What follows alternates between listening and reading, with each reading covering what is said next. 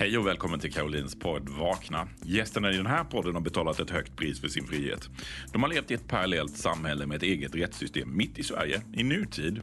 För priset du betalar för att lämna Jehovas vittnen, det är förlusten av alla dina vänner, din familj, släkt och hela ditt sociala nät. I de här intervjuerna delar gästerna sin historia om hur det är att leva inne i en parallellvärld. Om smärtan i att förstå att det man trodde var sant inte alls är det. Och om hur du överlever en social misshandel som kanske skulle kunna ha kostat dig livet. De berättar om vad som väckte dem och hur de har lyckats skaffa sig ett nytt och friskt liv. Du som håller på att vakna kommer att känna igen dig. Du som inte hade en aning om företeelsen kommer att förvånas. Det är dags att vakna med Caroline och gäster. Hej och välkommen till ett nytt avsnitt av Vakna med Karolina och gäster. Idag har vi Sandra Johansen från Halmstad, Yes. en dansk ättling. Ja. Jag trodde det hette Johansson, men Mm. det var Johansen. ja, det Ja. stämmer. Är det mamma och pappa som är danska? Eh, pappa. Pappa är Mm, dansk, okej. mm. Men har du farmor och farfar här också som är danska eller de bor i Danmark? Eh, nej, alla bor i Danmark. Alla Mm, bor i Danmark, det är som mm. min familj. Alla bor i Danmark. Ja, Ja. ja. Men välkommen hit Sandra. Tack. Det ska bli väldigt spännande att höra din berättelse. Ja, det ska Vem, vem är Sandra? Ja, vem är jag? Eh, jag är en 41-årig kvinna. Eh, väldigt kreativ. Eh, har alltid haft lättare för att uttrycka mig i konst eller olika kreativa saker så än att prata. Mm. Ehm, jag har alltid varit andlig, har alltid trott på Gud. Ehm, så jag älskar de här stora frågorna kring liv och ja, men vad som händer efter döden och var livet kommer ifrån. Och, ah, det är ett brinnande intresse. Ja. Mm. Då passade det ju ganska bra med den uppväxten som med de här ramarna, att det var som en, ett inslag i uppväxten Ja. och... Ehm, ja, på sätt och vis. Min egen personliga gud då kanske. Ehm, men jag har alltid känt, alltså även fast det har varit väldigt kontrollerat och fyrkantigt, så har jag känt att det finns en gud, en tro eh, och ett hopp. Så. Eh, men absolut inte så fyrkantigt som jag har blivit uppfostrad inom religionen om man säger. Mm. Men man kan ju tänka så här att eh, det är ju väldigt smala ra- ramar med, med Jehovas vittnen men på något sätt så blir det ändå ett startskott till att det är mer än bara det fysiska. Mm. Eh, Det har jag ofta tänkt på att ja, det är väldigt stramt med Jehovas vittnen men ändå. Ja, men man hör att änglar finns och Mm. att eh, det är mer mellan himmel och jord än bara det här fysiska. Ja. Mm. Så det är en, en liten sån där introduktion till. Ja, det är det faktiskt. Så det är Mm. jag väldigt glad att jag har med mig Mm. eh, på det sättet. Mm. Eh, och jag är också glad för min erfarenhet eh, och alla lärdomar som jag har fått med mig under livet. Så. Eh, att man har det perspektivet med sig. Mm. Men du har växt upp som ett Jehovas vittne. Mm, Var din jag. mamma och pappa vittnen redan när du föddes eller? Eh, ja, det var de. Mm. Ehm, jag tror pappa blev det vid 20-årsåldern, men jag är lite osäker. Men det Ja. var i alla fall när jag föddes så var vi liksom vittnen hela familjen. Mm, mm. Hur såg din uppväxt ut? Ehm, ja, jag hade en bra uppväxt. Ja. Ehm, men det var ju väldigt begränsat och jag känner att jag blev väldigt tidigt ehm, alltså informad i vad som var rätt och fel och vad som förväntades av mig. Hur jag skulle prestera för att ja, men, vara duktig och, och hur man skulle prestera för att komma in i församlingen. Du var ganska så Ehm. inlyssnande barn som tog till dig. Ja, och, och anpassade mig efter allting Ah, också. Mm. Var ni många syskon? Eh, ja, det var vi. Och då är det ju kanske inte så ovanligt heller för då är man ju van redan. Är du, hur, var är du i syskonskaran? Eh, svårt att säga, vi är 13 stycken så att... Eh, men, Men ni eh, bodde väl inte hemma alla samtidigt? nej, det gjorde vi verkligen Nej. inte. Men, eh, nej, men jag var lilla syster i alla fall. Ja, då är man ju väldigt van vid att passa in Ja. och, och hitta sitt, sitt lilla utrymme, var man nu får Mm. plats någonstans. ja, precis. Ehm, Så det, det är ju inte helt konstigt att man gör samma i, det, i församlingen och så vidare. Mm. Nej, precis. Det ska liksom fungera Mm. Och man kan inte låta sin röst bli hörd alldeles för mycket för det är 12 andra röster som ska Ja, höras också. precis, ja. Ja. Och, och jag var väl lite så här att, ja men min roll det var ju att vara liksom, ja men duktig, lite försynt, ja Mm. men, eh, ja, jag behövde verkligen hitta någonstans att passa in och då blev jag den duktiga. Ja, just det. Det Mm, var din grej. Mm, mm. Var du duktig i skolan också? Nej, det var jag absolut inte. det funkar inte. Men i församlingen, jag menar, alltså jag gjorde ju liksom förberedde, jag läste i Vakna vakttornet, jag svagade på frågor. Ehm, Jag hade ett eget bibelstudium. Så att inom församlingen så, alltså det var ju mitt liv, det var det som var viktigt Mm. för mig.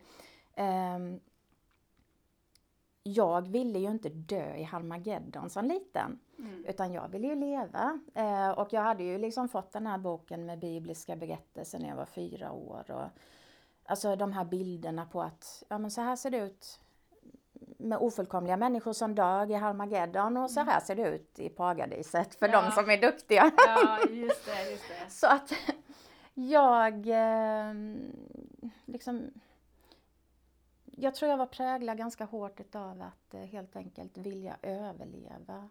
Eh, Så, men, eh, så du hade en Harmageddon-skräck ja, som liten? jättemycket dödsångest. Ja. Ja. Ja. Delar du det med Ehm, dina syskon eller var du, var du liksom speciell med det? ehm, nej, jag tror jag var värst Mm. ehm, faktiskt. Ehm, men alla hade ju en rädsla. Mm. Men min satt väldigt, väldigt djupt. Ja. Mm. Ehm, Var det något du kunde prata med någon om? nej, Nej. det gick inte. Nej. Nej. Var, din, var, var det en, eh, liksom en aktiv familj du var i? Var mamma eller var pappa förordnad? Och, Nej, ehm, alltså vi var väl... Ja, vi var väl... Eh, jag vet inte vad man ska säga men... Ja, normala Jehovas En- vittnen. en normal familj, Ja, men inte men ni var regelbundna och så vidare. Så, så du, du var van som barn att gå på alla möten? Ja, ja, vi gick alltid på möten. Så mamma, vi hade ju bibelstudierna hemma, eller de här eh, tisdagsmötena. ja, bokstudier. Ehm, så att ehm, mamma hon gjorde alltid liksom smörgåstårta och Mm. lite frallhalvor. Hon var så duktig på det, hon var Mm. fantastisk. Och det var ju det som var det mysiga med Ja det var det, det var jättemysigt. Ja, Ja, man fick umgås och snacka Ja. och det var det Mm. man satt och längtade efter som barn, Ja. fikade efteråt. ja precis. Jag kommer ihåg som barn när jag kom till bokstudier så kunde jag alltid dofta med den familjen vi var Mm. hos och hon gjorde så goda danska kanelbullar och så visste jag alltid när jag kom in Åh, idag är det fika. Det var ju jättekul. Så Ja. man var lite extra med de andra barnen och så. Ja, det var väldigt mysigt så. Ja. Eh, Det band ihop Mm. familjen på något sätt. Ja, Mm, precis. Mm. Så du växte upp, hur gammal var du när du döpte dig? Jag var 12 år. Mm. 12? Mm. Det var väldigt ungt. Och ja, det måste jag säga. Vad, Eh, vad var det som motiverade dig att döpa dig så ung? Ja, ehm, alla sa ju att man skulle vänta. Jesus var ju 30 år när han döpte sig. Liksom. Det var viktigt, det var ett viktigt beslut. Man Mm. skulle vara gammal och så här. Men eh, sen var det någon nioåring som hade döpt sig. Eh, och eh, det var ju fantastiskt liksom. Hur kan en nioåring veta att den vill tjäna Jehova för resten av livet? Alltså, Ja. så duktig ville jag också vara. Så då blev det liksom att nej men jag får nog eh, Ja men jag vill döpa mig blev det ju då liksom. Eh, Mm. men samtidigt slutet utav allt så kan man ju se det som också en rädsla då att Ja men det var ju mitt enda val för jag ville ju inte heller dö i Harmageddon. Så att eh, ja. Men vad sa de äldste till dig när du kom där som liten tolvåring och ville gå igenom frågorna? Nej men de tyckte ju det var bra. Eh, Ja. och eh, de sa också att det var ett allvarligt beslut. Eh, Mm. det är ingenting man ska göra lättvindigt utan mm. Mm. Eh, men jag, som sagt, det var Ja. ingen som sa nej, du får vänta lite. nej absolut inte. Nej. Nej.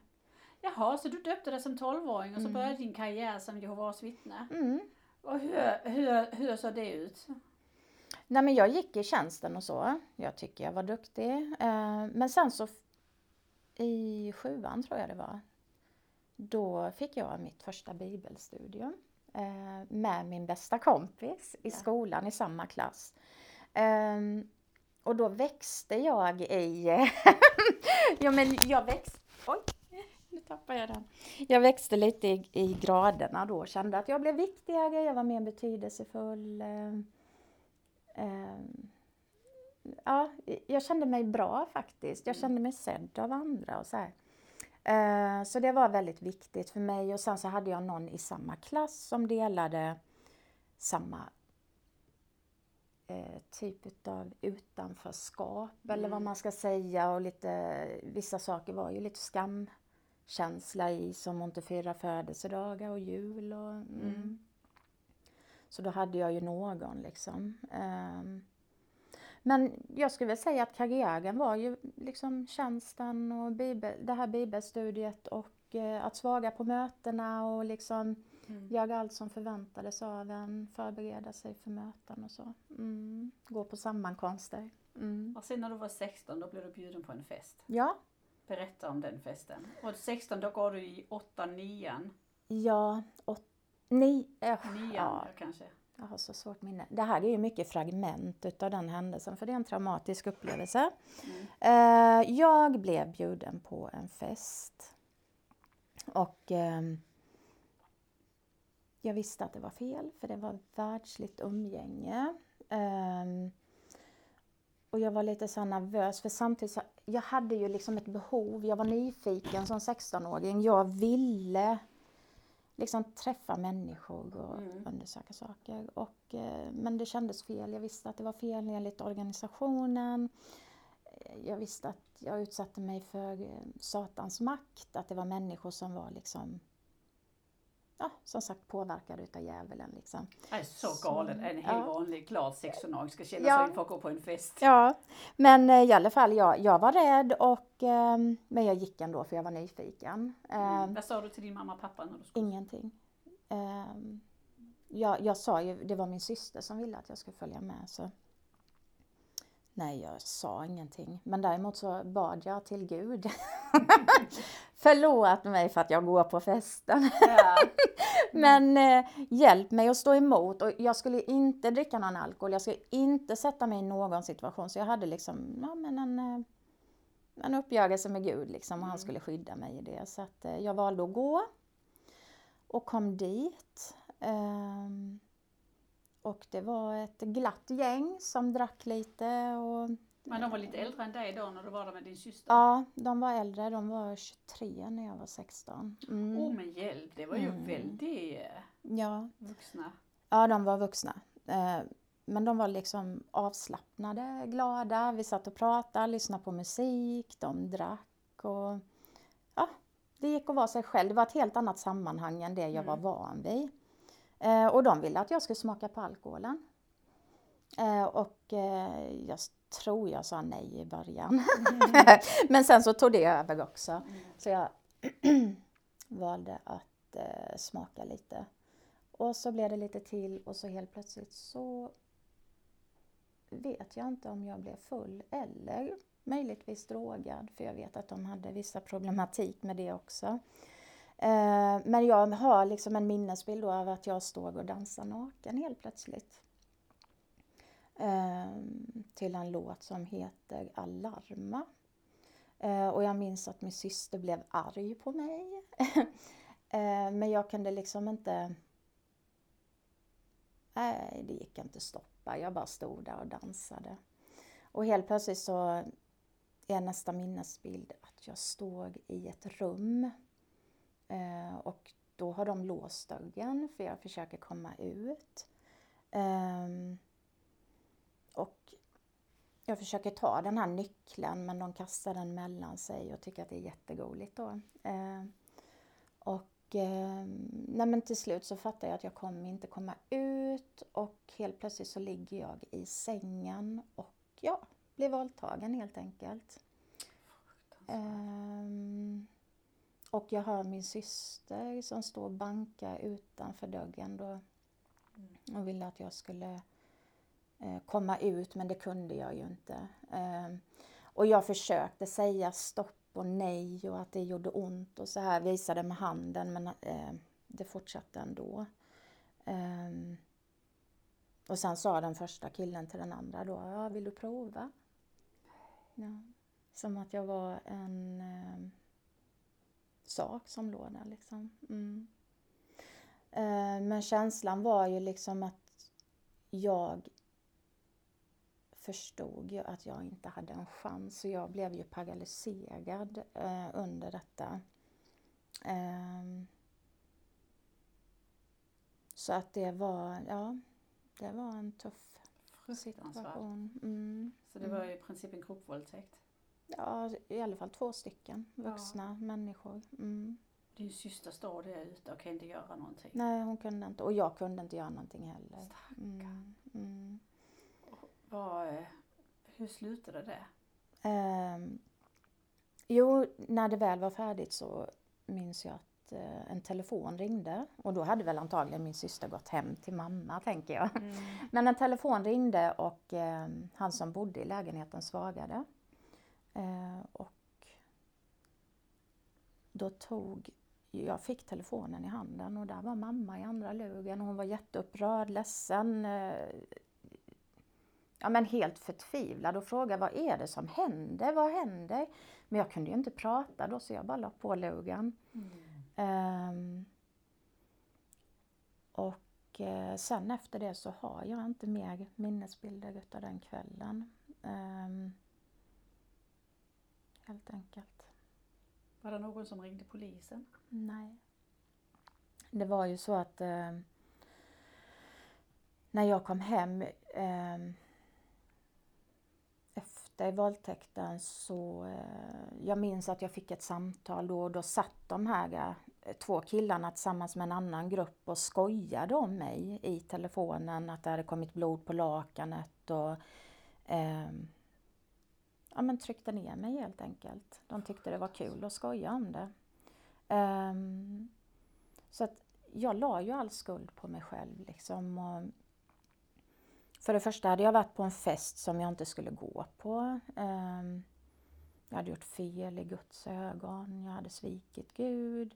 Ehm, som Jehovas vittne hade jag fått lära mig att man skulle klä sig anständigt för att inte locka männens begär och där stod jag naken och dansade. Mm. Så det hade jag också brutit mot. Jag visste att jag inte fick dricka alkohol, det hade jag också brutit mot. Allting var ju mitt fel. Um, så att eh, det blev ju ingen polisanmälan utan jag la all skuld på mig själv. Jag, jag, kunde liksom inte förstå vad som hade hänt. Liksom. Men din syster hade ju varit där också. Hon hade ju kanske en annan bild av det. Kunde hon flika in och säga det här är en våldtäkt? Mm. Nej, det kunde hon inte för att eh, det blev ju en jättekris i familjen samtidigt som detta hände. Eh, för att jag gick från att vara ja, den duktiga flickan till att liksom bara ja, bli helt destruktiv eh, och utåtagerande. Eh, så, så jag tror det var en kris för hela familjen. Liksom. Eh, för hur påverkade den här händelsen dig? Du gick och bad den, kunde du mm. dela den med någon? Nej, jag kunde ju inte för jag la ju all skuld på mig själv. Så att det blev ju liksom att nej, det var mitt fel. Och det fick jag leva med och eh, så var det i många år tills jag sa till min syster. Oj.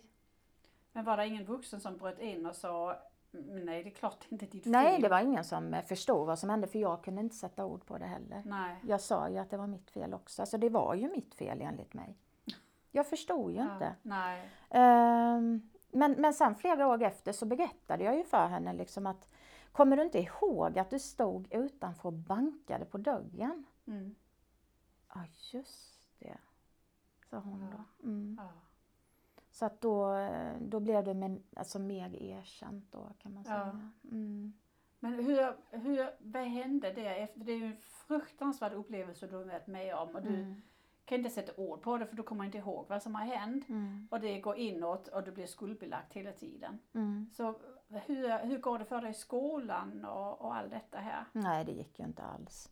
Och jag tänker där borde ju myndigheterna se någonting också men um, skolan funkade inte. Jag hamnade på... eh, Jag skulle ju börja i gymnasiet där, men det funkade inte heller. Hamnade i en, en specialgrupp då. Eh, som var väldigt så här konstfokuserad. Så det Mm. var ett väldigt härligt ställe att hamna på. Mm. Eh, Så där kunde jag ju uttrycka mig jättemycket via konsten. Ehm, Hur mådde du på insidan i den perioden? Jättedåligt. Jag var jättedestruktiv. Jag gick ut på stan, drack. Polisen fick hämta mig, bäga upp mig till mamma. Eh, självmordstankar. Självförnedring. Eh, alltså det var jätte, jättesvår tid verkligen efteråt. Det var som... Eh, ja, det var fruktansvärt. Vad hände i församlingen? I, eh, kunde du fortsätta som förkunnare eller? Mm. Ehm, Jag blev ju kallad till en kommitté. Eh, Och jag vet inte hur de äldsta hade fått reda på detta men jag måste ha anförtrott mig till någon som har sagt det till de äldste. Mm. Så jag blev kallad på kommitté och kom dit och vi satt i eh, Riketsalens bibliotek. Det var tre äldre män och lilla jag då på 16 år efter en våldtäkt. Eh, och de frågar mig, har du haft sex utanför äktenskapet? Ja, det har jag ju. Mm. Alltså det hade jag ju för att jag la skulden på mig själv. Mm. Ja, ångrar du dig? Alltså efter att de då hade gått igenom att det var fel och hade läst bibeln. Alltså, ångrar du dig? Nej. Hur skulle jag kunna ångra mig? Alltså det var ju en inre konflikt samtidigt. Ja, liksom. Jag ja. visste ju att någonting var fel men Ja. Nej, jag ångrar mig definitivt inte. Alltså jag gör Nej. inte det. Nej. Så eh, nej men då, då blir det ju utesluten, ja. Eh, och jag höll masken och gick ut därifrån med rak ryggen då liksom.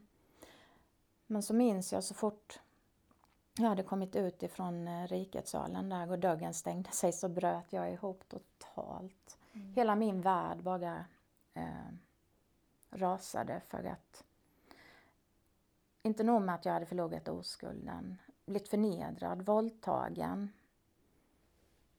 Ja men gjort bort mig, syndat. Eh, utan då hade jag ju också förlorat mitt värde som människa, min samhörighet, det som betöd någonting för mig. Min identitet. Eh, precis allting förlorade jag i den stunden. Du blev jag, straffad för att du blev våldtagen. mm, Mm. och eh, det var fruktansvärt. Och Det vad, var... vad, Mm, vad tyckte dina föräldrar om, eh, för du bodde ju hemma då mm. och var mindreårig. Hur, hur påverkade det hela familjedynamiken hemma? Nej, men jag, det blev ju en kris i familjen för att jag tror inte någon fattade vad som hände. Nej. Jag var bara utåtagerande, destruktiv, eh, självmordsskrik och rop på hjälp Ja. och liksom... Alltså ingen fattade, det gick inte att nå mig. Ingen kunde nå in och jag kunde inte nå ut. Så enkelt var det faktiskt. Eh, jag hamnade på ett utredningshem eh, som jag bodde på. Ehm, så det var ju väldigt många som försökte nå mig men jag mådde jättedåligt. Ja, Jag förstår Mm. jag verkligen. Mm. Och det är klart, alla runt omkring kan ju bara agera utifrån den information som blir gett dem. Mm. Mm. Eh, och när de inte vet, Nej, och när man inte kan sätta ord liksom. nej, Mm. nej. Så, eh, så du, eh, det var en nedåtgående spiral för dig Mm. i den tiden. Mm. Vad, vad hände sen? Nej, jag vill ju Och din syster, blev hon också utesluten? Ja, ja, hela familjen blev utesluten i princip i samma veva. eh, Alla utom pappa då. Mm. Så att, Hade det eh, med dig att göra? Att din mamma tyckte det var fel det som hände eller? Jag vet inte. Nej, för- Jag, eh, där är också mina minnesbilder från den tiden väldigt, alltså det, jag var så självfokuserad. Mm. Så jag vet faktiskt inte om det var beroende på att jag hamnade i en kris och att liksom ingen orkade mer. Jag vet inte, Nej. men alla blev uteslutna och Då tog hela familjen med dig helt enkelt. ja. Ja, det kan Ja. vara bra ja. Men ja, det var skönt så. Ja, Mm, faktiskt. För då mm. har man ju i alla fall inte de här separationen hemma. Nej, det enda var ju pappa då som var, han var ju väldigt förtvivlad. Han ville ju liksom, ja men tänk på att du kommer dö i Harmageddon och ehm, kom tillbaka Sandra, vad är det som har hänt? Och du Ja, vet så här, och då, ja. då var det ju liksom ah, jobbigt, ett Mm. dåligt samvete. Mm. Men ehm, det som var svårt var ju att eh, när allt detta hände och jag förlorade mitt värde ehm, och min identitet kan man säga. Ehm, då var jag inte bara värde, värdelös för liksom, och död för församlingen eh, utan även för mig själv och inför Gud. Så att jag minns till och med att jag kunde inte ens be till Gud för jag var så värdelös och, Mm. och smutsig och ehm, syndfull så han Mm. ville inte ens ha med mig att göra. Mm. Ehm, men det var en int- intressant händelse som hände efter jag hade blivit utesluten. Då satt jag på en pizzeria som var mitt emot Riketsalen. Ehm, och jag måste berätta om det. Ehm, jag satt där tyst, jag sa ingenting, jag satt där länge. Han hade lika väl kunnat kasta ut mig, men det gjorde han inte. Helt plötsligt kom han fram och lämnade en pizza då Mm. eh, utan att jag hade bett om det. Så han som aldrig någonsin hade träffat mig, eh, han kunde se ett behov i mig och uppfyllde det med det, Ja. ja, men de medlen som han hade då. Ja. Eh, men de äldste som satt på riket, så han hade känt mig hela livet, de kunde inte se att Nej. det var någonting fel utan de valde att utesluta mig. Ja. Och där menar jag att det är ett sånt tydligt exempel på att det är inte empati vi pratar om här. Det är ingen kärleksfull handling utan det handlar helt enkelt om att nej men oj, nej men hon är ju inte duktig nu, vad är det som händer nu? Ja men, Vi har ett protokoll och protokollet säger sex utanför äktenskapet Ja. ut. ja, och däremellan kan man inte ha friheten att tänka. nej och jag tänker liksom även med en sån, alltså det är ju en, en väldigt stor makt de har när de sitter, de avgör ett öde. Mm. De avgör att mina kontakter ska brytas, de jag har känt hela livet och haft stöd ifrån, de ska jag vara död från. Men då är det väl det minsta man kan göra, det är att sätta sig in och försöka förstå vad det är som Mm. händer. Mm. Men det gjorde de inte, Nej. utan de, de bara kastade ut mig. Och det gick på en timme. ja, En Det det. timme gick det det på. går så snabbt. Ja. Och de har inte Man- en aning om varför jag liksom egentligen reagerade Nej, och man fattar inte själv heller när man Nej. sitter där. Det är eh, fruktansvärt. Men hur länge, du var utesluten då men sen blev du återupptagen igen. Mm. För du var ju utesluten men du var ju fortfarande troende. Ja, det var jag. Det Jag var nästan det- livrädd. Ja. Och det är ju nästan det värsta eh, tillstånd man kan vara i, att vara utesluten men troende. Mm, mm. ja, jag levde med dödsångest. Varje gång det åskade så fick jag ju jättemycket ångest. Mm. Och eh, sen fick jag barn. Ehm, Jaha, mm. Och hur gammal var du då? eh, jag var 18. Jag hade precis fyllt 18. Mm. Så jag fick väldigt tidigt. Oj, var du i en fast relation då eller? Mm, det var jag. Mm. Eh, men när jag fick barn så tänkte jag ju att nej men jag vill ju inte att mina barn, eller mitt barn då ska dö i Harmageddon så då var jag tvungen att gå tillbaka. Så då satt jag i riketsalen längst bak så att jag, jag vågade inte gå fram men jag satt längst bak eh, i ett halvår tror jag. Mm. Och sen blev jag återupptagen. Mm. Det var ju snabbt. Mm, det var det. Mm. Ehm, Men var du, du var inte gift då utan du var, du var själv med ditt barn? Nej, jag var gift. Ja, Vi ja. gifte oss ehm, på Rådhuset. Ja. innan jag blev återupptagen. Så att, eh, Och den killen hade ingenting med Jehovas Nej. Han Mm. måste ju inte förstå någonting. Vad ska vi gifta oss va? nej, alltså jag slängde ju hans skivor på Metallica. Alltså, alltså det var ju så radikalt det här. Ja, det är ju en fundamentalistisk religion så det är nej, så att eh, nej, det var väl, eh, han, han var fantastisk och Mm. eh, anpassade sig eh, efter min religion helt enkelt. Mm. Det är ju helt fantastiskt att han gjorde Mm. det. Vilken Mm. snäll kille. Mm. Så du blev återupptagen. Hur kändes det då? Alltså, nej, det kändes inte bra och det kändes inte äkta. Ehm, Vad var det som inte kändes äkta? Nej men att på något sätt så hade jag ju blivit så sviken. Ehm, och liksom helt plötsligt bara för att de läser upp då på mötena när jag har suttit längst bak tyst och ingen hälsar på mig och blivit bestraffad. Ja men helt plötsligt en dag så godkänner de att jag är ett Jehovas vittne och då börjar alla bli vänner igen. Ja, Och det kändes falskt. det är en för- konstig för känsla. Ja. vara. helt plötsligt duger jag. Ja. Och sen, vem var jag när jag hade kris? Vad var liksom vännerna då? Vad är kärleken? Vad är det för kärlek att kasta ut ett barn på det sättet Nej. ur en församling? Det kändes falskt. ja. Ehm, så jag kunde inte vara kvar till slut. Hur länge var du med? Eh, till 2006 om jag minns rätt. 2005, 2006 och då lämnade jag. Mm. Så, hur gammal var du då? Bra fråga. Men då, så, du säger att du blev återupptagen när du var 18 och sen förlämnade du igen när du var typ 23-24. Mm, mm, Något sånt. mm, Fem kanske. Ja. mm. Okej. Eh, och hur, hur gick det till när du lämnade andra gången? Ehm, det minns jag faktiskt inte. Det, Du har det, svarta ja, jag har eh, verkligen, det är mycket så här minnessakningar eller vad man ska Men säga. det är sant, för det har jag faktiskt haft flera av mina gäster som de har svarta luckor. De Ja. kommer inte ihåg. Nej. Och det, då förstår man också hur traumatiskt de här upplevelserna Ja, är. Att mm. det är så tungt så man kan inte ens plocka fram det ur sitt minne. Nej, det, nej precis. Mm. Ehm, och, och liksom, även om man plockar fram det i minnet eh, så gör det jätteont och det är Mm. mycket känslor som kommer fram.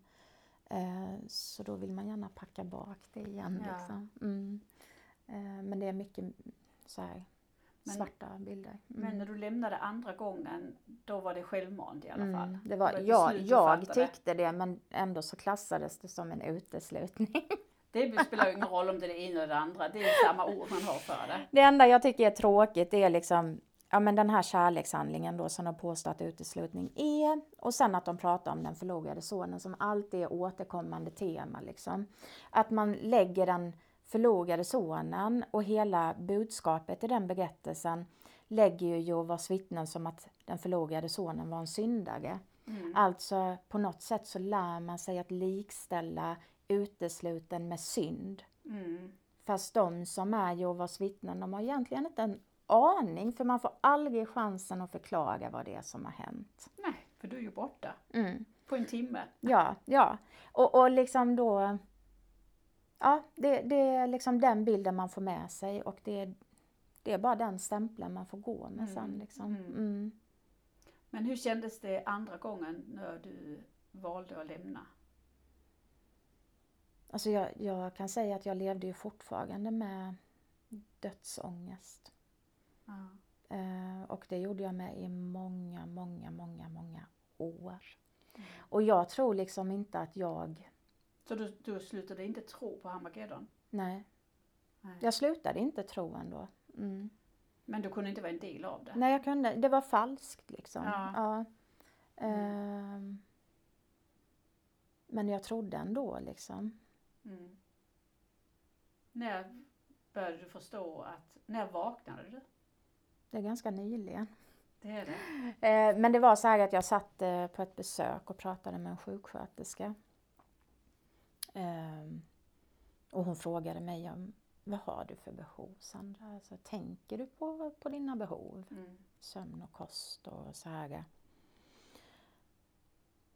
Ja, det gör jag ju, men när jag väl börjar tänka då liksom, och det här har varit en process liksom.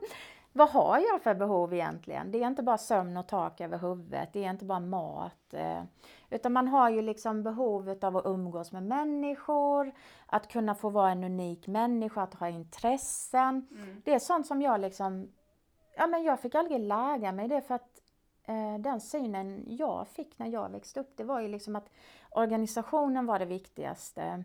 Eh, antingen så lever du eller dör du i Harmageddon liksom. Eh, prestera för att få ett värde i församlingen. Eh, så att den där unika delen utav mig och den som jag egentligen kanske skulle blivit, den blev ju liksom borttryckt. Den, det fanns inte plats eller utrymme Nej. för den. Ehm, så att, ja. Mm. Mm. Så, så det gjorde att du började tänka? När, när den Ja, sjuksköterskan ställde en fråga till dig så började du tänka? Ja, jag började tänka, vad har jag för behov egentligen? Och, Men rasade tron på Jehovas vittnen då? mm, nej, men det var en uh, wake-up call kan man säga. Ja. Oj, vad mina behov har blivit åsidosatta.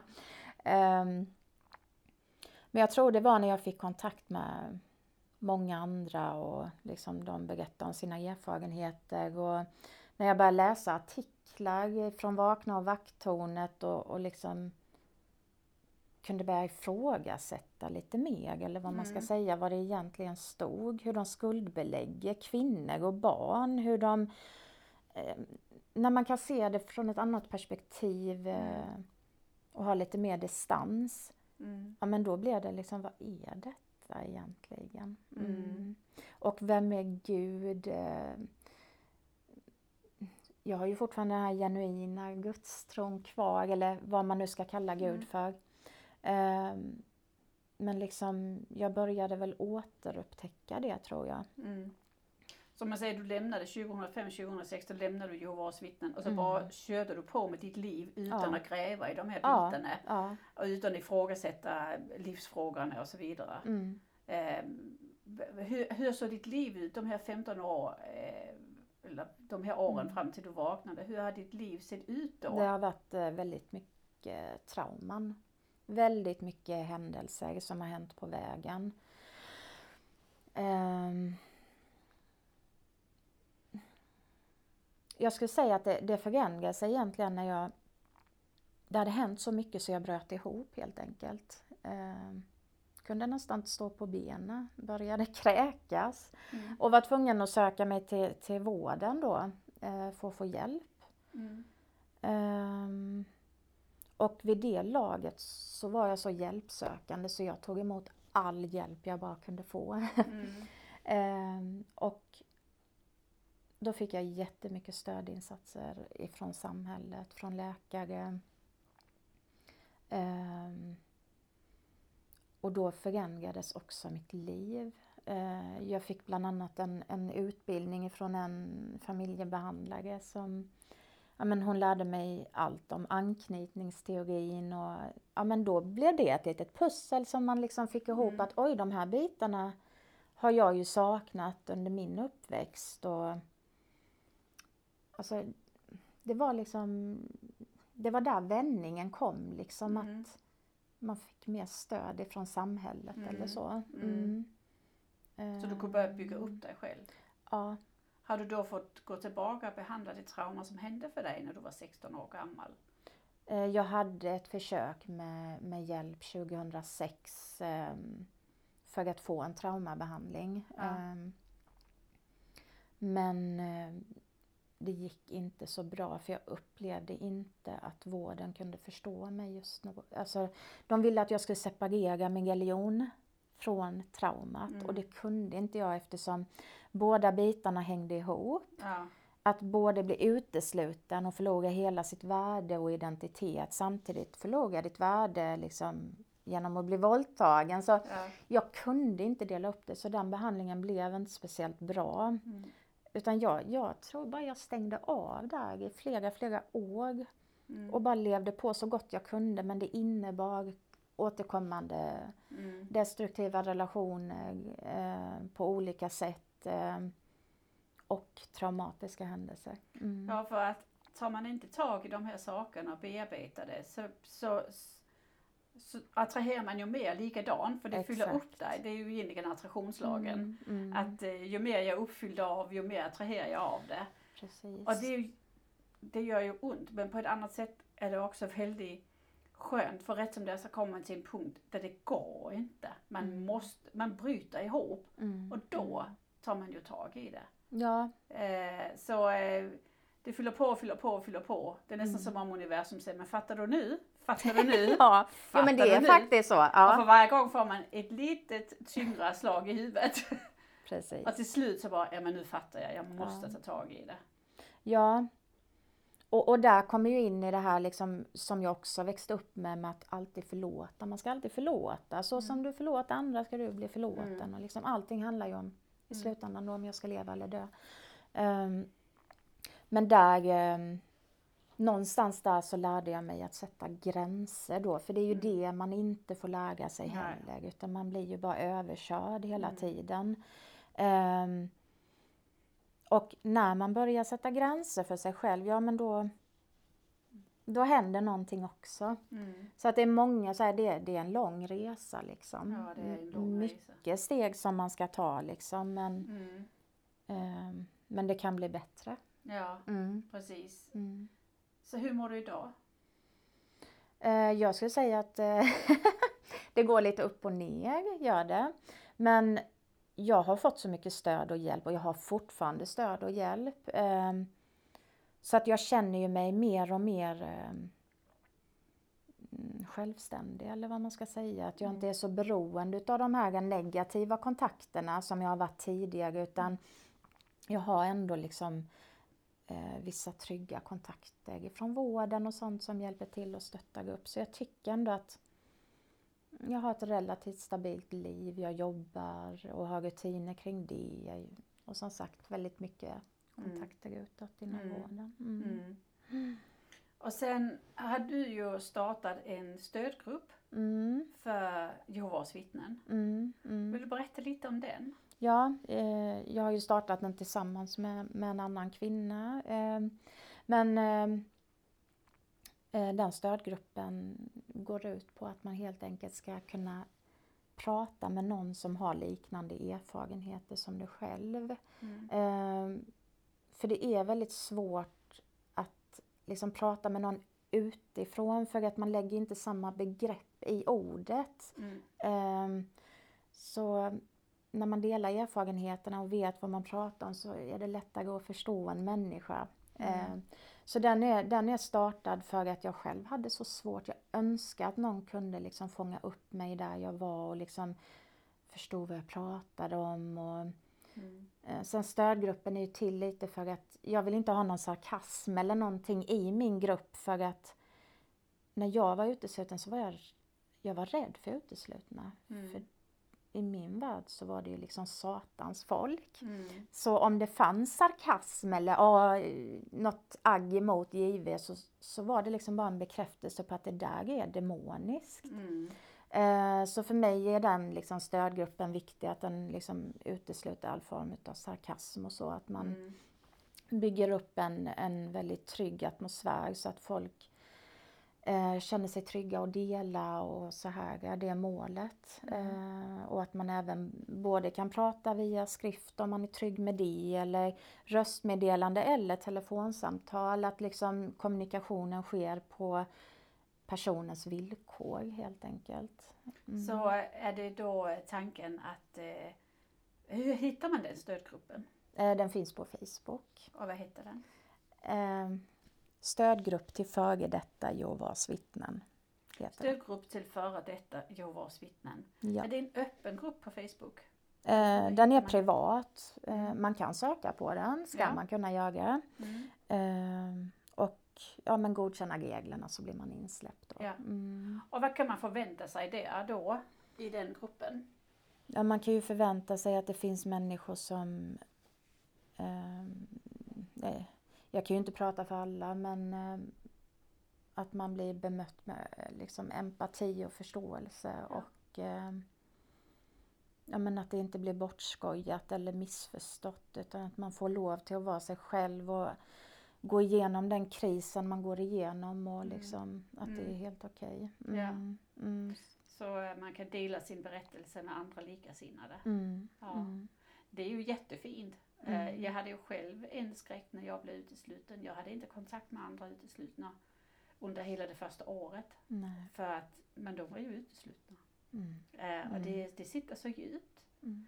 Eh, och det var, jag tror det gick, ja det är i alla fall över idag. Sen hade jag hemma en gammal väninna som jag tror jag var utesluten ett och ett halvt år. Mm. Och då fick jag kontakt med henne och vi träffades och då berättade hon om eh, Hjälpkällan. Mm. Och jag bara nej, nej, nej, men det är ingenting för mig. Mm. Det, nej.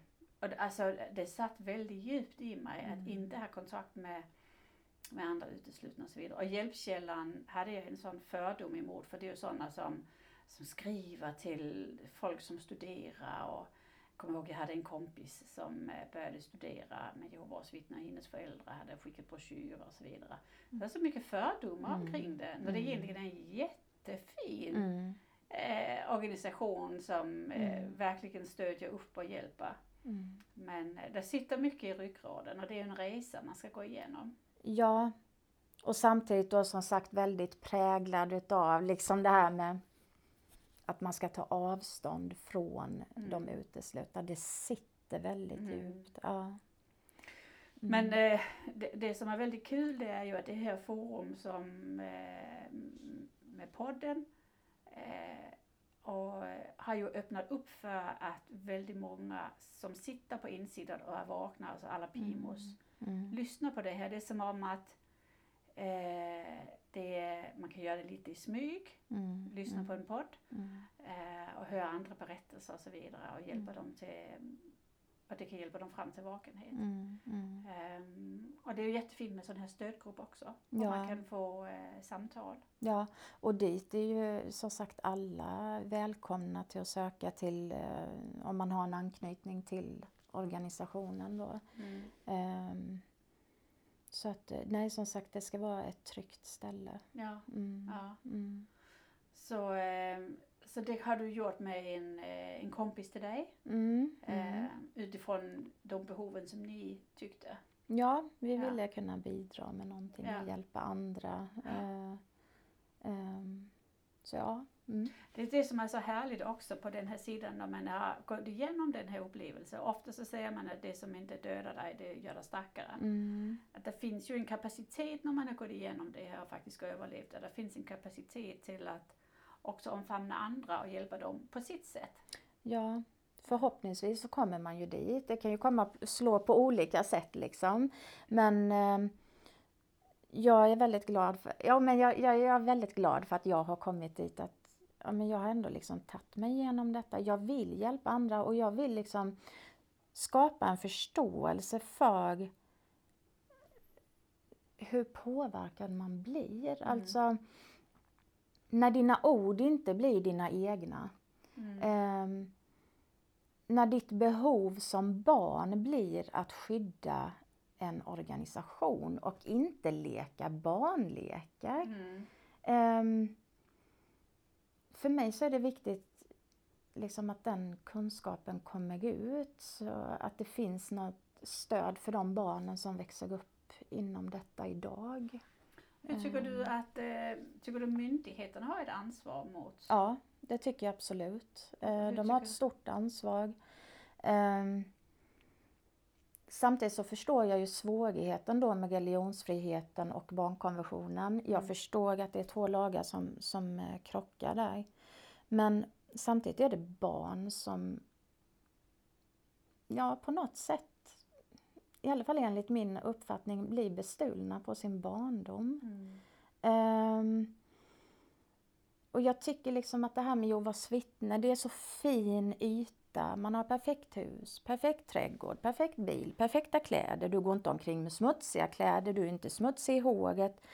Utsidan är perfekt men vad är det för behov bakom? Vad döljer sig bakom den här masken? Det är ju det liksom myndigheterna måste titta på. Man måste våga undersöka vad barnet har för intressen. Ett barn ska inte ha intresse av att gå i tjänsten eller överleva Harmageddon. Ett barn har ett behov av att utvecklas som en individ. Ehm, jag menar, inom, inom min tid inom Jehovas vittnen så utvecklades man ju gemensamt då eh, med samma mål. Man skulle räcka upp handen, man skulle gå i tjänsten. Eh, Medan det här unika, det fick ju aldrig blomma ut. Jag fick Nej. ju inte det. Det var ju först när jag var vuxen som jag liksom började ifrågasätta vad har jag för behov, vad har jag för, vem är jag, vad blir jag glad utav? Eh, Ja. Och det är väldigt svårt för när man som barn växer upp i detta här, då är du präglad i det. Så att Mm. de svaren som, eh, som, som hör till organisationen blir ju dina svar. Som till exempel om man säger sportaktiviteter. Mm. Det är ju inte fel enligt Jehovas Mm, vittnen att, mm. att dyrka sport. Men på en viss nivå, det vill säga tävla i helgen och så vidare. Det kan du inte för det krockar med mötesnärvaron.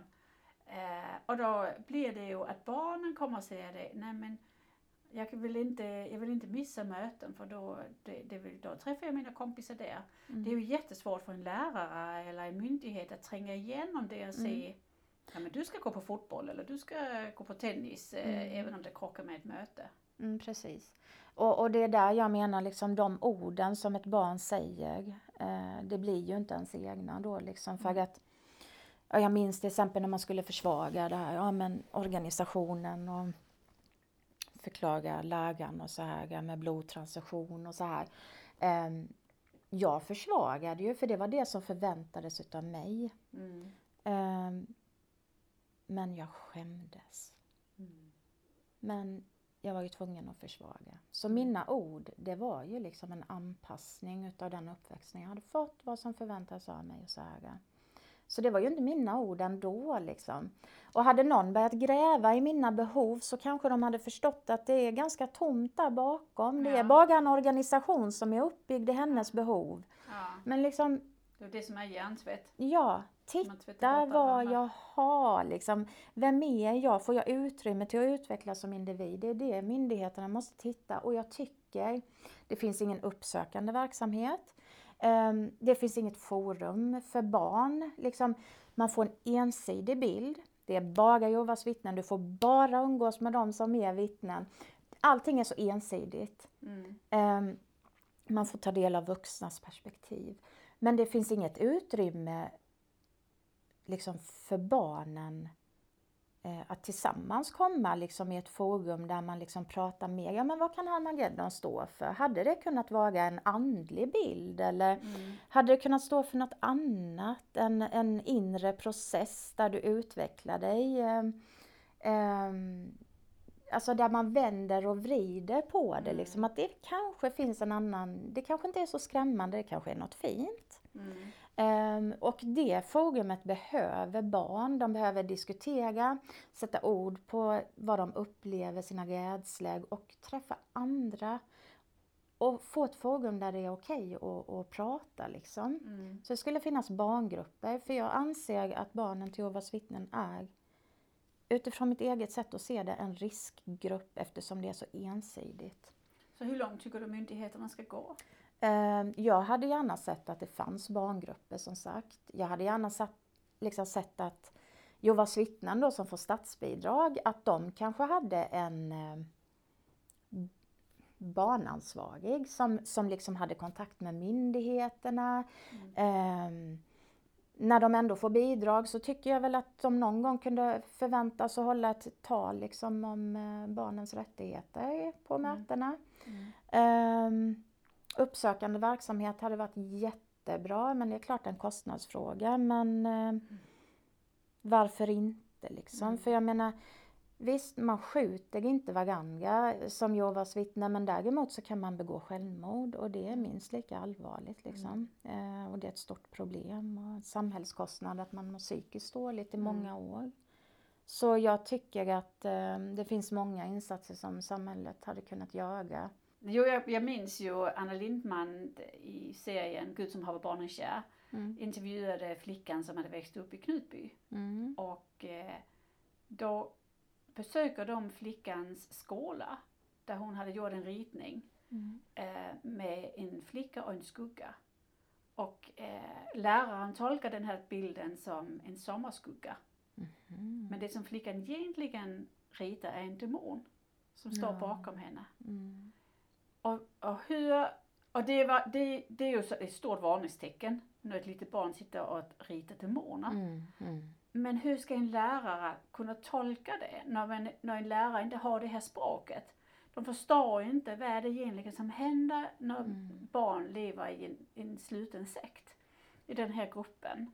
Och man tolkar det som en sommarskugga när det är någonting helt annat. Mm. Ja, nej Så- det är... Det är Så jag, jag tycker ju att läroplanen ska innefatta förståelse för religiösa grupper och det språket barnen kommer med. Mm. Mm. Eh, att det här ständiga utanförskap som man känner i skolan, det Mm. väger ju sekten upp med den här enorma, ju mer fundamentalistiska sekterna är ju mer gemenskap har man ju i sekten för man Mm. väger upp det. Mm, mm. Men det är ju ett farosignal för det blir så instängda bilder barnen får. Verkligen. Ja, Det blir så små världar de får, barnen. Mm. Ehm, men det kräver ju att hela läroplanen görs om och man får ögonen upp för. För det, det är ju lärarna som har barnen mm, dag ut och dag in. mm, De ser hur barnen fungerar i grupp med de andra barnen. De ser också blicken i ögonen när det är födelsedagar och jul och Lucia och allt det här. mm. Så lärarna är ju de som är nära barnen. Ja. Eh, och hade de bara haft utbildning för att kunna ta hand om det. Ja, och det är väl just den där förståelsen. För att som sagt, när man inte kan sätta ord på det, när man Nej. pratar om en organisation, liksom, Ja. det blir inte dina ord. Det är väldigt, väldigt svårt. Ja, man måste ha kunskapen att liksom gå bakom det här ytliga, liksom, Ja. kolla på behoven, utvecklas barnet och så. Mm. Och det är ju Eh. absolut möjligt för jag menar inom vården där finns det ju kuratorer för, för autister som inte har språk, Mm. alltså som knappt kan uttrycka sig men det finns ju vägar ändå Mm. för att komma in bakom när inte språket finns där. Mm. Så, så kunskapen finns ju, det finns bara inte på det religiösa området, det kanske inte blir anammat. Nej, och sen så är det väl väldigt svårt. Och för jag, jag kan också uppleva liksom att det blir lite tippande på tårna eftersom det är liksom religionsfrihet såklart. Och vi ska ha en mångkulturell liksom värld med, med våra religioner och allt det här. Det ska vara helt okej. Men man får ju inte glömma de barnen. Ja, Vi får inte glömma barnkonventionen. Nej. Barnens liksom- rätt till fri lek, Mm. barnens rätt till att, eh, att söka svar och utforska sig. Mm. Eh, den sexuella friheten. Ja. Eh, alltså det, det, finns ju massor med punkter. Eh, Mm. Där man egentligen kan följa protokoll och se, har barnen, om det här barnet som jag har i min klass och de vill konfirmera sig när de andra barnen konfirmerar sig, Mm. skulle de få göra det då? Nej, det skulle de inte få göra. Nej, nej. Eh, det är inte religionsfrihet då. nej, det är det verkligen Eh, Om inte. de eh, är intresserade av politik, vilket många barn ju blir i högstadiet. Mm, mm. Får de engagera sig i Greenpeace eller vad det är för någonting? Nej, det får de nej, inte. Nej. Eh, och sen är det ju såklart svårt för barnen har ju inte intresse för de har aldrig lärt sig det men det är liksom Nej. inte uppmuntrat. Nej men precis och jag tror också för att det är viktigt att förstå också som myndigheter hur kontrollerat det är för att just det här med den sexuella utvecklingen som börjar ganska tidigt där liksom pratar organisationen om att det är fel med naturliga behov som till exempel onani då. Eh, att det är fel, det är syndigt. Det står till och med att det kan leda till homosexualitet Ja. om man onanerar. Det står så mycket fördomar Ja. i deras publikationer och man ska skämmas. Mm. Samtidigt har du ett behov Mm. som ska utvecklas Mm. Och redan där lär man sig att man är värdelös för behoven kryper fram till ytan. Ja men en människa. Ja, det går inte att Nej. undvika. Det Nej. kommer fram men ändå ska du känna den här skammen. Mm. Inte ens där, i det innersta rummet, får du utvecklas fritt. Nej. Inte ens där.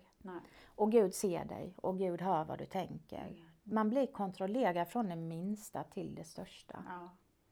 Det är väldigt intressant för att, att eh, det som hände dig när du var 16 Mm. eh, är ju egentligen den yttersta konsekvens av att man inte blir tränad till att umgås i de här sammanhangen. Ja. För festa händer ju.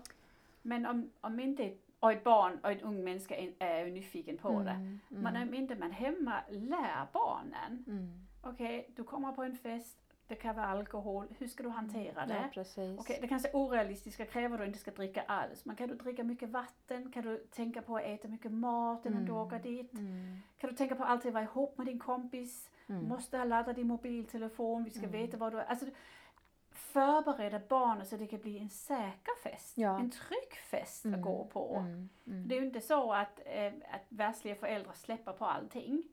Men ett Jehovas vittnebarn som är nyfiken på detta, det är ju en osäker bomb att släcka ut för de är inte förberedda alls.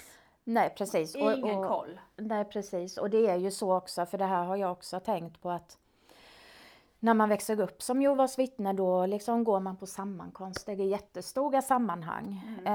Eh, där man kan lämna sin väska. Mm. Det är ingen som kommer stjäla. Mm. Jättefina människor, alla är ärliga, alla är liksom gudstrogna. Man lär sig det. Mm. Ett, ett barn som växer upp med kanske en, en eh, mer nyanserad bild förstår att det finns människor liksom både till höger Mm. Ja. och vänster där Ja. liksom. Men då när man helt plötsligt kommer ut och liksom i min värld så var ju människor också goda. Jag, Mm. jag trodde ju inte att människor kunde vara så onda eller vad Nej. man ska säga Nej. liksom.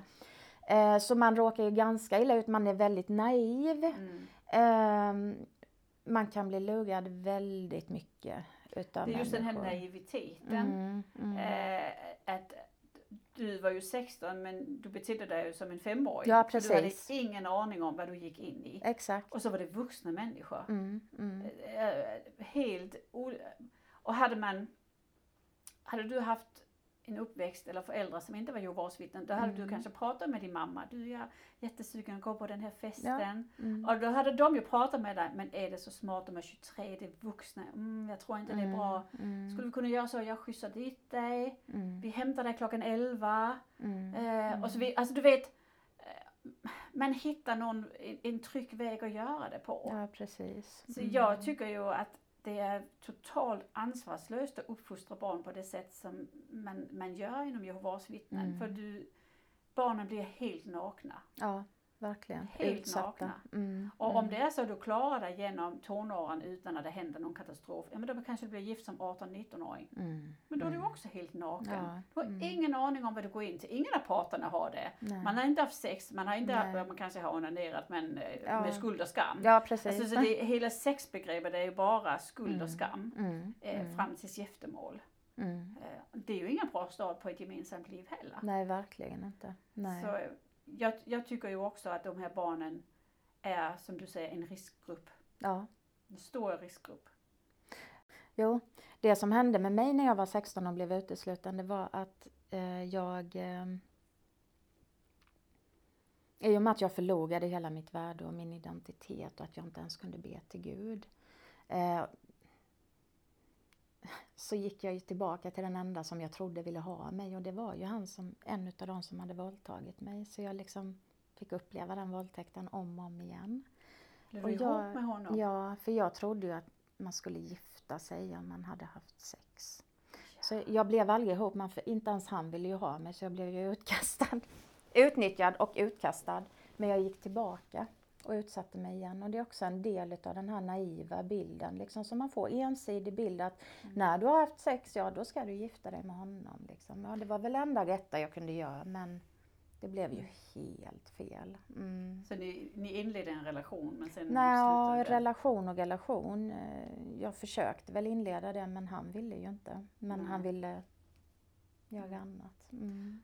Har du någonsin polisanmält det? Nej, jag har inte gjort det. Ehm, och det hänger över mig. Jag har mött honom. Och han eh, förstår nog inte hur illa han gjorde mig. Eh, och hur mitt sammanhang såg ut. Ehm, så att jag har funderat många gånger om jag ska göra det. Men samtidigt så, En våldtäkt är en våldtäkt. ja det är det. Mm. Eh, Och han förstörde en del av mitt liv. Eh, men det var ju inte bara det som förstörde utan det var ju även och Jehovas det kan ju inte han göra för med Nej. hela Jehovas vittnedelen men, men eh, en våldtäkt är en våldtäkt. Mm. Eh, Och det, och det spelar ingen roll om det är ett muslimsk flicka, ett Jehovas vittnesflicka eller en helt vanlig flicka. Det är ju Mm. fel. Mm. Och, och det ska de ju, det ska ju anmärkas, Mm. eh, anser jag. Eh, Den ena killen som var mer passiv under våldtäkten, ehm, han är död idag, men eh, innan han dog så mötte jag honom på en krog. Mm. Och då kom han fram till mig ehm, och bad om ursäkt. Så han visste vad som hade hänt där. Ja. Mm.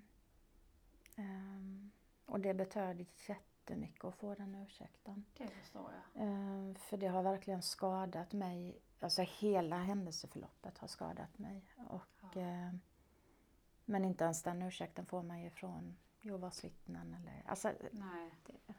Men en världslig kunde ge mig det. En som Ja. har liksom varit med och våldtagit mig kan ge mig en ursäkt. Men. Ja. ja. Mm. Så det, Ja, Sandra, det, det är otroligt mycket som du har gått igenom. mm, det, Men du har också blivit väldigt stark av det. ja, jag har många lärdomar jag vill förmedla. Ja.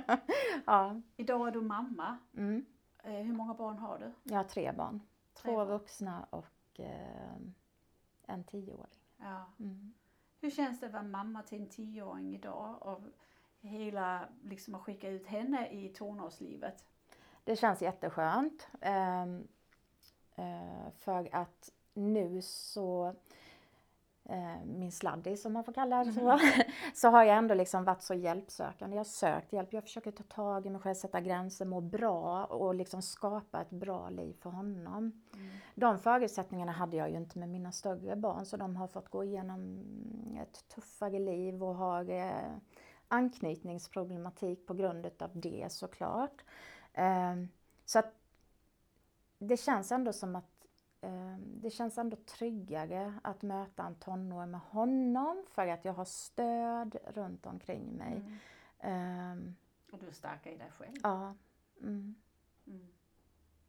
Mm. Jag tycker det är så kul att jag får chansen att ha en tonåring och ett bonusbarn som en tonåring som eh, på den här sidan. Mm. Där jag är säker i mig själv och eh, jag kan eh, utbilda dem i tonårslivet. Mm. Vad som kan hända och Mm. vilka trygga anordningar vi sätter upp runt omkring och Mm. allt det här med, nu är det tjejer som jag har, men eh, med killar och Mm. är det okej att säga nej och Mm. om man säger ja, liksom, vad ska man då tänka på och så vidare. Ja, precis. Det är väldigt, väldigt roligt att känna att men nu har jag faktiskt verktygen och möjligheten för att skicka ut dem i den här fasen av livet. Mm. Och de, de har ett stöd här hemma. Mm. Ja, De kan precis. prata med oss, de kan vara öppna omkring Mm. önskningar och behov och Mm. allt som händer. Mm. Det finns liksom inget bestämt rätt och fel utan Nej. mm. Det var en som, som frågade mig, men tycker du inte det är läskigt att nu när du inte är Jehovas vittne längre, att det var ett före detta Jehovas vittne, att Mm. liksom ha barn som och så allt det som händer, världen är osäker, den är otrygg och det är fest och så vidare. Och jag bara, nej men tvärtom, för nu är jag mitt i smeten. Mm. Mm. Nu är jag ju här och barnen vågar berätta. Ja, precis. Eh, och jag har kontakt med de andra föräldrarna och, och liksom, nej jag, jag är mycket tryggare nu. De behöver inte smyga utan de kan säga och jag vet Mm. precis, de är Mm. här, de är där och så vidare. Ja, sen är det ju viktigt liksom att ja, men världen är inte bara svart och ond. Alltså Nej. det perspektivet. Det finns så mycket godhet och det finns så mycket bra relationer och då får man liksom när man kan vara öppen för andra typer av relationer så kan man också engagera sig mer som förälder Ja. och liksom bjuda in till de goda relationerna. Ja, precis. Och då blir ju risken mindre att man hamnar i det här helt plötsligt en fest liksom som har Mm. varit hemlig och Ja, som ja. du säger man kan förbereda vilka risker finns det och Ja, så här, ja. Ja, precis. Mm. Men eh, om, om man tänker på, eh, du, du nämnde innan med, med din andlighet eller spiritualitet. Mm. Jag, jag tycker ju, du kanske låter mer som om du är spirituell nu än, kanske inte Mm. religiös, Mm. men spirituell. Mm. Vill du dela lite om hur du ser på den delen av livet? För det, det är liksom ett, ett stort intresse du har och ett stort behov du har i dig. Ja, det, det är ett behov, ja. Eh, nej, men den, den förändras över tid, min tro om man säger. Eh, men jag tror ju att, att Gud finns i oss alla. Mm. Eh, att vi alla är en del utav en en energi eh, Mm. i universum. Att vi återföds och att det är viktigt att lyssna på sin inre röst. Mm.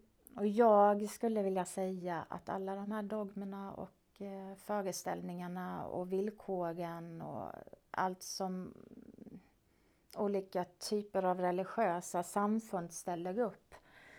Att det är egentligen de som är ja, men fariseerna och den falska Messias liksom. Eh, som säger till människor vad som är rätt och fel och bestämmer. För att människan är ju fri egentligen. Mm. Vi har alla en egen livsväg. Mm. Ehm, och det är så viktigt att lyssna på sin egen röst och ja, men att, att eh, vara i nuet med naturen på något sätt. Jag tycker det är fantastiskt. Ja, mm. Och vi är ju fullt kapabla att fatta våra egna beslut när vi bara tillåts att göra det. ja. Vi, behöver, Ja, vi behöver ingen som säger så här ska man göra så här ska man tänka. Utan människan klarar det faktiskt alldeles utmärkt själv. mm, verkligen. Eh, och, och ett tag så var jag inne på att Bibeln kanske kom till jorden för att, ja, men som en moralisk kompass. Men sen såg jag att det fanns forskning, finns det olika forskning, men att det fanns forskning på att faktiskt till och med små, små barn har en känsla av moral i sig. Mm. De kan tolka vad som är rätt och fel. Mm. Vad blir den ledsen av? Vad blir den glad av? Mm. Så man behöver inte en moralisk kompass som säger rätt och fel Mm. utan det måste man förstå själv och lita på sitt inre. Mm. Alltså, det finns ju naturfolk Mm. som har jättefina sociala ramar som inte har Bibeln Mm. eller någon Mm. annan religiös bok. Mm. Mm. Utan helt enkelt bara leva i samklang med naturen. Ja. Eh, som har jätterespekt för det ja. och varandra och livet. Mm. Mm. Jag tror ju också att vi, eh, att vi har en själ inom oss Mm. som eh, liksom är vår livsgnista eller som är liksom den djupa, det djupa mig. Mm. Och sen har jag en kropp som klär det. Ja. Men om jag ska vara lycklig så ska jag liksom vara i samklang med den djupa jag. Mm. Och den djupa jag tycker att jag är helt fantastisk, att jag är älskvärd, Mm. att jag är stark och så Mm. vidare. Mm. Och i det ögonblick jag inte är i samklang med det, jag tycker jag är värdelös, men då mår jag inte bra. Därför då är jag i disresonans med mig själv. Mm. Men den här djupa jag har ju också en väldigt, väldigt stark känsla för eh, harmoni och balans. Mm. Att det, inte det är rätt och fel utan men du tänker så. Mm. Jaha, och Mm. det är okej att tänka Mm. så. Inte döma ut det. Och det är väldigt intressant om man får kontakt med den här djupa Mm. själv. Och det kan man ju göra genom meditation eller det finns Mm. många olika sätt att göra. Man kan vara i naturen, man kan grunda sig och få kontakten där. Mm. Eh, men det är en väldig styrka i den. Mm. Ehm, och, och den har ju barnen väldigt stark kontakt till. Mm. Mm. Så små, små barn är ju, tycker ju de är helt fantastiska. Mm. Tycker alla andra är helt fantastiska. Mm. Älskar alla och är jätteglada. Mm. Därför de har liksom, det är nästan som om de är i symbios med sig själv. Ja. Sitt djupa själv. Ja, de har inte lärt sig att hata sig själv. Nej. Eh, Alltså det är ju ganska hemskt egentligen, men det är ju det som händer när man blir styrd av rätt och fel hela Mm. tiden. Ja, det är klart att du dömer dig själv. eh, Du, liksom, dina behov får inte synas. Du vet, alltså, Ja. Man lär sig att eh, ett självagg, skulle jag säga, ett Mm. självhat. Och när man blir fri ifrån det. Mm. Och det kan ju Och- samhället också mm. hjälpa till med. Så Mm. det är ju inte bara Jehovas vittnen som hackar sönder Nej, nej. barn utan det gör Mm. samhället också. Men Mm. Jag tycka som förälder har man ju en chans, speciellt om man går igenom sådana här trauma som vi har gått igenom, Mm. Mm. att, eh, att liksom nollställa och så verkligen få den här kontakten med sig själv. Mm. Fast det jag skulle vilja säga är skillnaden i det du säger nu, det är att eh, beroende på samfund såklart. Eh, men i samhället så har du, du har vissa sociala regler som du ska förhålla dig till eh, som påverkar ditt liv. Men du har fortfarande ett utrymme att utvecklas som individ. Det har Absolut. man inte som ett Jehovas vittne. För där är liksom, du är ju kontrollerad från det minsta till det största. Ja. Eh, och då försvinner den här unika. Alltså, Mm. Jag skulle säga att liksom det blir ju som att eh, man slutar leva överhuvudtaget. Mm. Det är sant, jag håller helt med dig. Mm. Det är ju extremt när du är i en fundamentalistisk Ja. sekt Mm. Mm. som vi var en del av. Mm. Men nu är vi fria. Ja, precis. Ja. Nu kan man intressera Ja. sig för nya saker. Ja, Mm. Och det är ju Mm. jättekul. Ja, det är det. Allt det här förbjudna. Spännande. Mm. Eh, det Som är- finns jättemycket som man kan fördjupa sig i. Mm. Mm. Mm. Du var ju så nervös Sandra när du skulle berätta din story. Ja. Men det är ett nytt kapitel i ditt liv att du går ut med detta här och du ställer även upp och stöttar andra genom Mm. Facebookgruppen. Mm. Jag kommer att lägga i kommentaren en länk till Facebookgruppen så Mm. man kan hitta den. Mm. och även eh, kontaktuppgifter till dig. Mm. Så man kan hitta dig på Facebook, kanske din Facebook-profil. Ja, Så det får du gärna. Rätt sätt att, att komma i kontakt med dig. Mm. Ehm, för, för stöd och hjälp och samtal och, och så vidare. Mm. Jätte, jättefin grupp som ni har tagit initiativ till, du och din eh, väninna. Mm. Jag tror att det är väldigt många kommer söka sig till den för det är många som känner sig ensamma både Mm. på insidan och på utsidan. Ja. Mm. Jag hoppas att det är många som söker. eh, För att för min del så är det också när jag kan hjälpa andra eller bara dela och prata med någon. Så alltså, då blir jag mer hel också. Mm. Jag vill inte ha gått igenom allt detta utan att kunna använda det till något bra. Eh, Mm. Så att jag hoppas att, eh, ja, men att någon hittar något läkande i den gruppen också. Mm. För jag, jag håller helt med dig. Mm. För varje samtal jag sitter och har här Mm. så blir jag mer och mer hel. Ja, ja. För så det är Mm. ju, eh, som man säger, hjälp till självhjälp. Men det är ju verkligen så Ja. att varje berättelse som går igenom här Mm. eh, ger mig en pusselbit till i mitt Mm. nya liv. Ja. Så jag bygger upp mig själv och det är ju, det är ju så det fungerar när man ställer upp för andra. Det är att Mm. eh, man blir lite helare varje gång själv. Ja. Ja, precis. Sen är det också väldigt helande bara att få, få höra sig själv berätta vad man har gått igenom. Mm. Eller skriva. Mm. Du håller på att skriva en bok. Ja, det gör jag också. Ja. Eh, sen om den blir klar, det vet jag inte. Men ja, jag försöker skriva en bok för jag vill liksom förmedla på vilket sätt anknytningen, hur exakt den blir störd utav alla de här intrycken man får under uppväxten. Eh, hur hämmad man blir och vilka Mm. konsekvenser. För att för mig är det viktigt att lyfta just alltså, problematiken i att bli så styrd och Mm. att faktiskt samhället kan hjälpa till. Mm. Men de måste få en förståelse för hur det påverkar. Så för mig är det väldigt viktigt att, att kunna förmedla det på ett Mm. bra sätt. Mm. Mm. Ja, jättefint. Och det är ju, ju fler som ställer upp och gör detta, Mm. eh, ju fler får det här stödet. Mm. Innan Mm. sociala medier så var det, tror jag många kände sig som ens, ensamma små öar runt omkring Ja. och man hade inte den här möjligheten till kontakt. Men med sociala medier så, blir, så kryper det ihop och man hittar varandra. Ja, Och det är väldigt, väldigt fint. ja, verkligen. Eh, och det gör också att, att många fler faktiskt lämnar givet Mm. för att fler kan hitta information. Mm. Ja, Så, verkligen. känner du att du är nöjd och du har fått sagt vad du vill säga? Ja, jag känner det. Ja. Jättebra Sandra. Men i så fall så vill jag ge ett djupt tack för att du ville dela berättelsen Mm. och smärtorna du har gått igenom. Men också, jag ser ju glädjen i ögonen idag. Ja, Att det finns ju ett ljus på andra sidan. oh ja, det gör Ja. det. Och allting kan bli bättre. Allting går Mm. att jobba på. Ja, Mm, precis. mm. Allting går att bli bättre. Ja. Mm. Tack så mycket Sandra. Tack så jättemycket för att jag fick komma hit. Vill du vara med i Vakna med Caroline och gäster? Att dela med sig av sina upplevelser kan frigöra en hel del blockeringar och hjälpa dig vidare i livet. Det är ofta helande och läkande att höra sig själv berätta vad man har varit med om och som man faktiskt har klarat av. Det är som en tung ryggsäck som man kastar bort för att gå vidare med nya och friska krafter.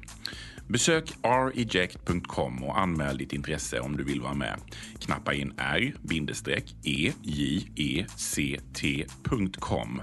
reject.com. Du är varmt välkommen.